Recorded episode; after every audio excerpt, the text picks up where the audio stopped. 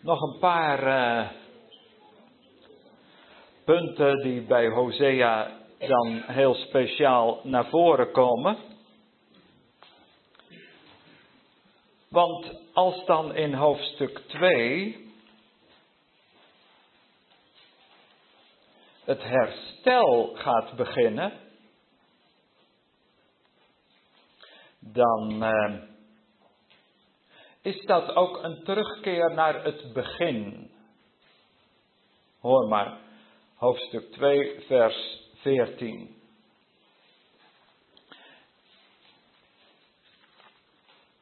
Ik zal haar haar wijngaarden geven. De meeste vertalingen zeggen er dan bij al daar. Eigenlijk staat er van daar af. Dus dat is weer helemaal vanaf de grond wordt het opnieuw opgebouwd. En staat er dan ook in vers 14, en ik zal het dal Agor maken tot een deur der hoop. Agor betekent puinhoop. Dat herinnert aan de geschiedenis van Jozua 7, een van de dieptepunten. Dus het dal van de puinhoop wordt tot een deur, tot een petach tikwa, deur van hoop. Dat is dan toch ook heel mooi. Dat is, om zo te zeggen, de specialiteit van God. Dat hij juist die punten waar het, eh, ja, waar de pijn ligt, waar jouw innerlijk beschadigd werd en ontwricht, dat dal van Agor, dat juist dat gaat worden tot een deur, tot een opening. God komt erin. Ja, hij komt in de situatie daar waar de ontwrichting was, daar waar de beschadiging geweest is. Een van de centrale gedachten bij Hosea. God komt erin. In alle situaties van nacht en woestijn. God gaat er niet met een boog omheen. Het is niet zo dat je moet zeggen, oh daar is hij niet. Het grote thema van Hosea wordt, God zegt, daar ben ik ook. Dat valt niet buiten mijn bereik. Wat er eh, ook kan gebeuren en waar een mens zich ook kan bevinden, je bent nooit buiten Gods domein. Dus wat er gebeurt bij Hosea is dat God laat zien, ik ga mijn gebied uitbreiden. Mijn terrein, dat is uh, het paradijs, maar mijn terrein is ook het woestijngebied. Mijn terrein is de dag, maar mijn gebied is ook de nacht. Mijn terrein is het licht, maar mijn terrein is ook de schaduw. Dus ook die gebieden worden binnen Gods lichtkring gebracht. Binnen dat profetische woord. Dat profetische woord is dus alomvattend. Gaat steeds een stukje verder. Ook dat hoort erbij. Ook daar zal ik zijn. Ook dat zal ik omspannen. Ook daar ga ik mijzelf manifesteren. dat heeft ook iets heel fascinerends. Een ontdekkingsreis, een voortgaande ontwikkeling, om steeds nieuw land te ontginnen en gebied te vergroten. Net zolang totdat heel het menselijk bestaan, heel de, of het nou je ziel is, of je geest, of je onderbewustzijn, of de diepste lagen van je innerlijk. God zegt, daar ben ik ook. Je kunt nooit ergens komen waar Hij niet is. Daar zou je eindeloos op door kunnen gaan, want dat is toch een heel indrukwekkend motief. Dat kun je heel kort samenvatten. God is overal. Je kunt het ook zeggen als een ontkenning. Hij is nergens niet. Maar het gaat veel dieper. Het is niet alleen maar oppervlakkig. Oh ja, God is alomtegenwoordig. Dat kan een soort eh, dogmatische uitspraak zijn. Maar nu wordt het doorleefd. Nu wordt het iets van het hart. In elke kamer van het hart is God ook. Hij doorwandelt heel dat hart. Hij doorwoont dat ganse hart. Alle domeinen, dat worden kroondomeinen.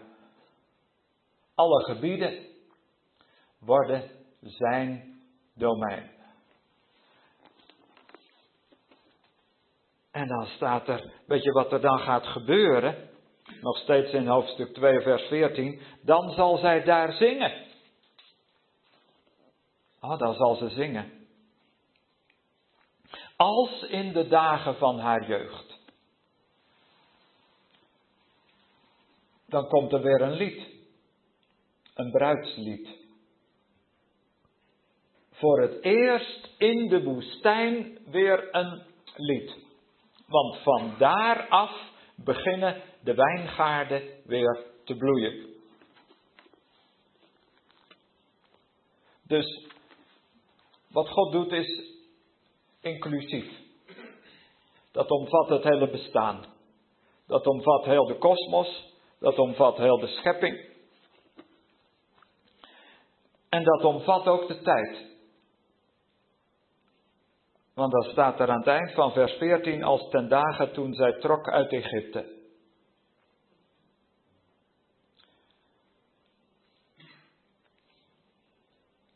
En de namen van de Baals zullen niet meer gedacht worden. Nu eh, nog enkele versen, zo uit het boek Hosea. Ja, je zou dat hele boek door kunnen wandelen. Maar als je dan even kijkt in hoofdstuk 3.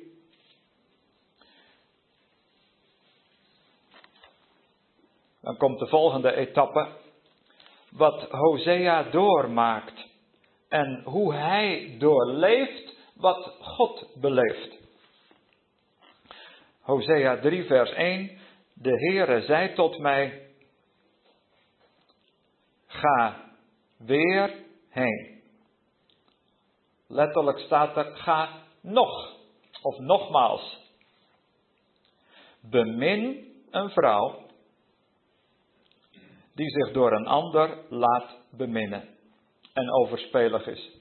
Gelijk de eeuwige de kinderen Israëls bemint, die zich tot andere goden wenden en minnaars zijn van druivenkoeken.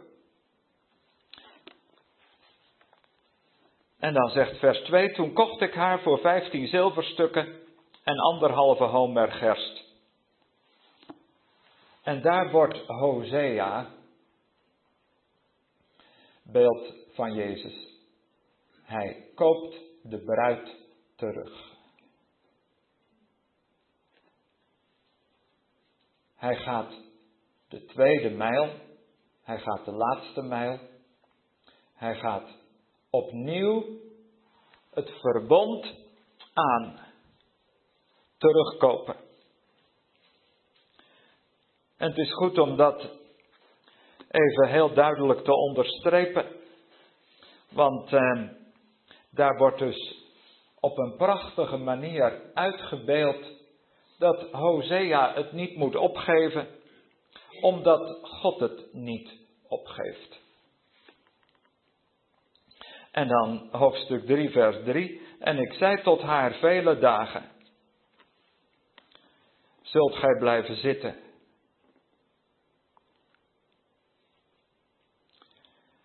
Gij zult geen ontucht bedrijven, geen man toebehoren, en ook ik zal tot u niet komen.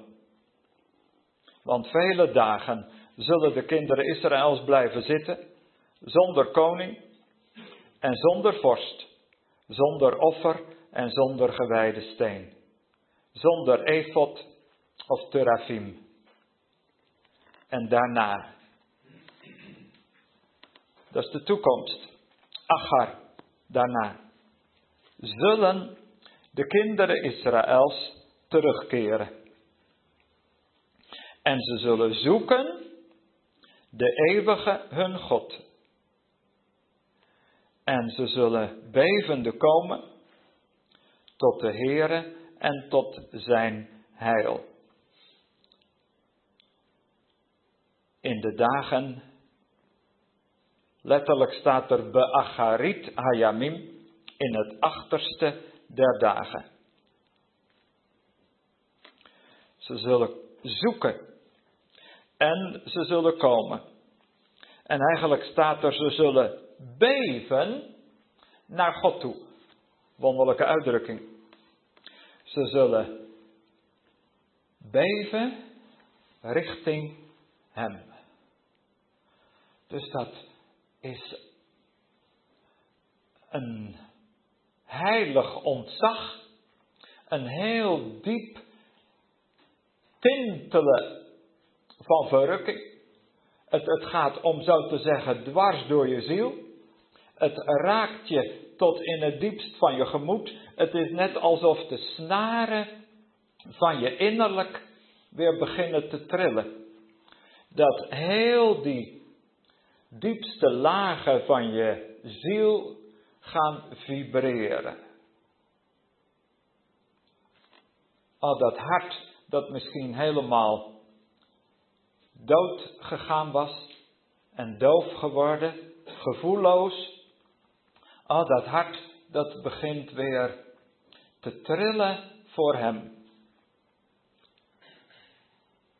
Met andere woorden, Hosea mag vertellen dat er een terugkeer komt. En het is goed om dat ook even te beseffen. Die terugkeer, dat staat hier, vele dagen zitten, zonder, zonder koning, zonder vorst, zonder eh, religieuze symbolen. En dan hebben ze helemaal niets meer, dan zitten ze daar in die woestijn. Die woestijn wordt dan ook de plek van inkeer. Oh, dan ben je om zo te zeggen helemaal uh, stilgevallen. Hebben we nog wat? Nee, we hebben niks. Kunnen we nog ergens op terugvallen? Nee, ook niet. Zullen we nog eens iets organiseren? Nee, er wordt ook niks meer georganiseerd. Denk je, ah mensen, dat is toch wat. Alles valt stil. Hosea 3 is, is eigenlijk een heel wonderlijk hoofdstuk. Ik heb het idee dat daar ook zo wat nooit over gepreekt wordt. Maar dat past ook nergens in. Alles valt stil. Vele dagen zitten. Nou, daar kun je toch niet over preken. Dat wil geen mens. Wie wil er nou vele dagen zitten? Dat brengt niemand op. Denk je, mensen, wat een saaie bedoeling. Wat zullen we gaan doen vandaag? Zitten, zegt God. En wat staat er voor morgen op het programma? Zitten. Wat gaan we overmorgen doen? Zitten. En dan verder voor je hele agenda, alle dagen, zitten. En verder ook helemaal niets. Je zou haast uh, het uh, kunnen actualiseren en zeggen: vele dagen zullen ze blijven zitten. Zonder uh, e-mail en zonder internet. En zonder televisie en zonder computer. Vele dagen zullen ze daar zitten. De stroom is uitgevallen. Helemaal niks. En dan zit je daar maar. Maar dat is wel een gezegend zitten. Een zalig zitten. Dat is genezing voor je ziel. Voel je, Hosea 3 is het grote hoofdstuk over inner healing. De innerlijke genezing. Oh, daar gaat het gebeuren. Dat is zittherapie. Ja. Dat, uh, ja. Dat is een sessie waar geen eind aan komt. En maar, ja.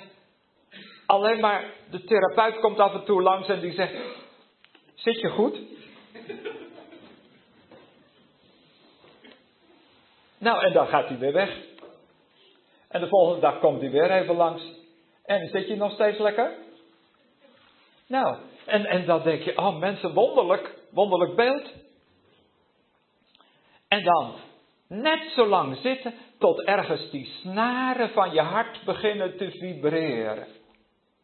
Tot die inner music, die innerlijke muziek begint. Dat je denkt, hé, Waar komt die muziek nou vandaan? Er begint iets te trillen.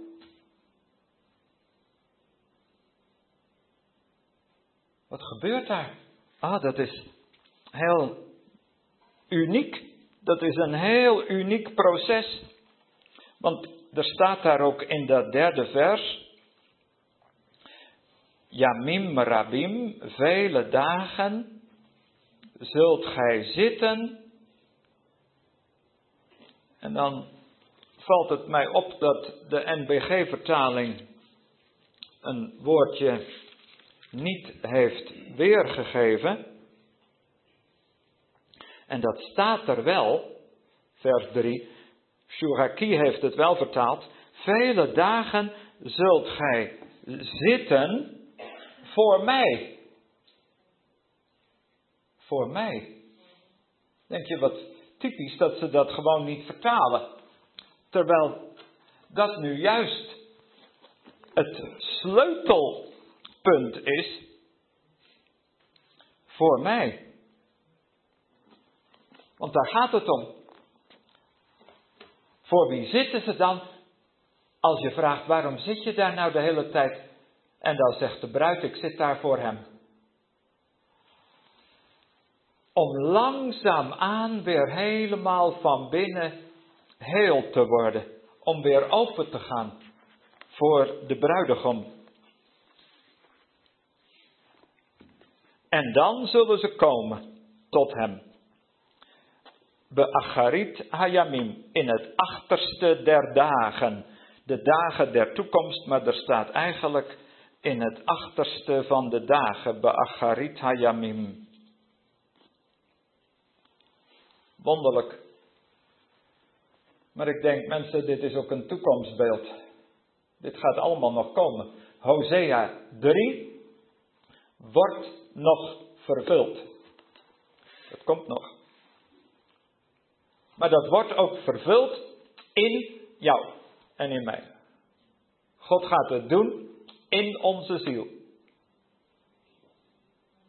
Het is een van de meest unieke hoofdstukken van de Bijbel. Het is ook maar vijf versen. Maar oh, daar, daar zit het hele herstelplan in.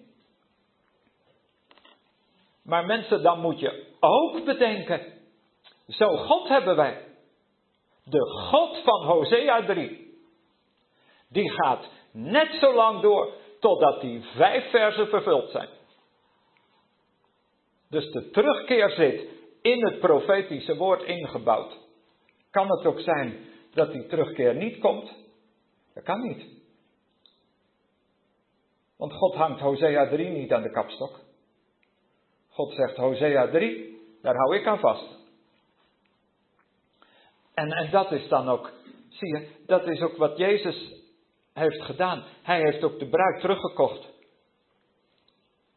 Op het kruis van Golgotha. Hij heeft gezegd, vader, ik ga ook Hosea 3 vervullen, ik koop ze terug. En dan zie je ook het wonderlijke. Dan, hij koopt ze terug. En dan zeggen mensen soms, maar waarom is er dan na Golgotha nog zo weinig veranderd in de wereld? Ik denk dat zijn ook die vele dagen. Vele dagen zitten. Dat is ook die hele tijd tussen zijn komst en zijn wederkomst. Vele dagen. En dan soms dan hadden ze toch weer een koning en weer een vorst. En dan soms dan hadden ze toch weer allerlei goden en rituelen en allerlei eh, aardige dingen. Dat je zegt, ja, je moet af en toe toch wat hebben. Je moet ook een beetje leuke dingen hebben. Wat eh, religieuze toestanden en zo. En dan hou je jezelf daar weer een poosje mee overeind. En dan zegt God, nou ja, dan duurt het nog een beetje langer. Want die vele dagen, die zitten er nou een keer ingebouwd. Om uh, innerlijk heel te worden. Dat is dat hele genezingsproces. En zo gaat God dat toch uitwerken. Net zolang tot dat helemaal zijn beslag heeft gekregen. En daar zou je dan nog eindeloos op door kunnen gaan. Ik ga nog heel even kijken naar het slot, Hosea 14.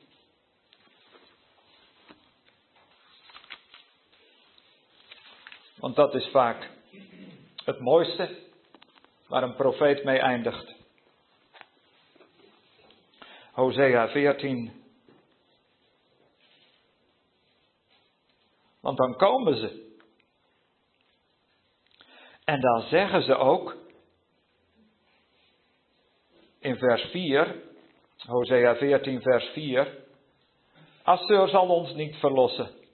Op paarden zullen we niet rijden. En we zullen niet meer zeggen tot het werk van onze handen, onze God.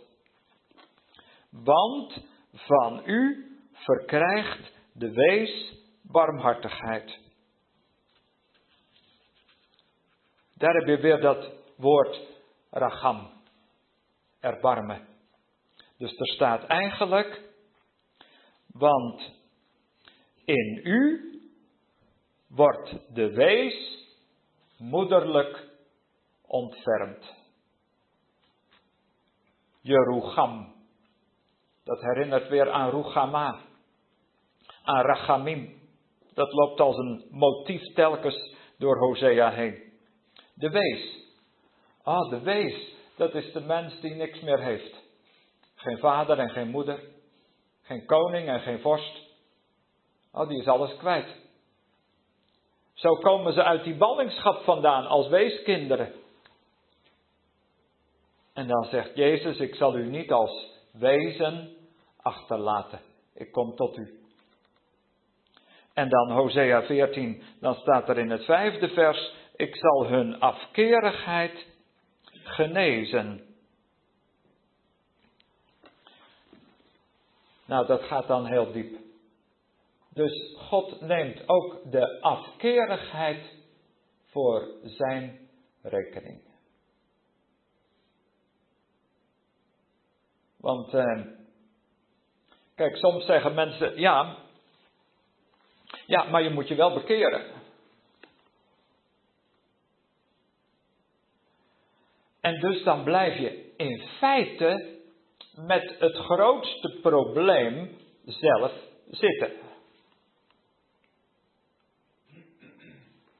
Want dan wordt er gezegd, ja, God vergeeft alle zonden, behalve het ongeloof. Ja, dus dat ongeloof, daar moet je dan zelf uitkomen. Want ja, je moet geloven. En je moet je bekeren. En als je dat nou niet doet, dan is Jezus dus nog te vergeefs gestorven. Dan zou Jezus dus gestorven zijn voor alle zonden, behalve voor de grootste zonde, het ongeloof en de onbekeerlijkheid.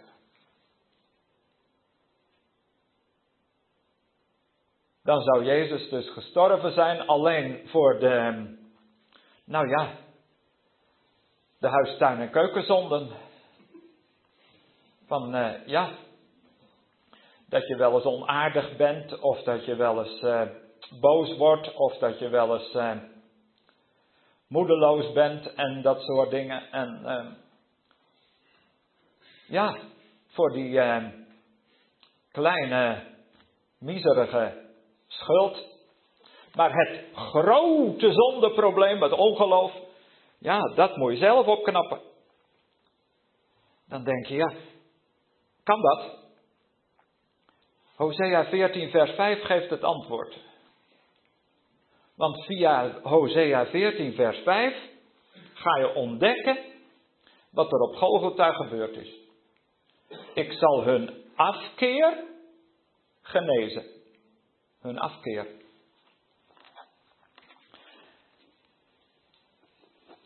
Nou, en dan moet je verder maar eens lezen, want dan staan er nog prachtige beloften in dat hoofdstuk 14. En dan eindigt het in vers 9. Ik ben als een altijd groene cipres. Aan mij is uw vrucht te danken, letterlijk staat er, uit mij wordt uw vrucht gevonden. Nimtza. Dus waar vind je de vrucht? Uit hem. Alle vrucht is uit hem. En dat is het antwoord op Ephraim. Want Ephraim, daar gaat het steeds over in Hosea. En Ephraim betekent dubbel vrucht. Alleen het lukte niet zo erg met Ephraim. Maar nu wordt er tot Ephraim gezegd: Mijn vrucht geef ik aan jou. God zegt: Ik zorg voor de vrucht. Nou, dus aan het eind van vers 9, dan kun je zeggen met Paulus, uit hem en door hem en tot hem zijn alle dingen. Het is alles uit hem.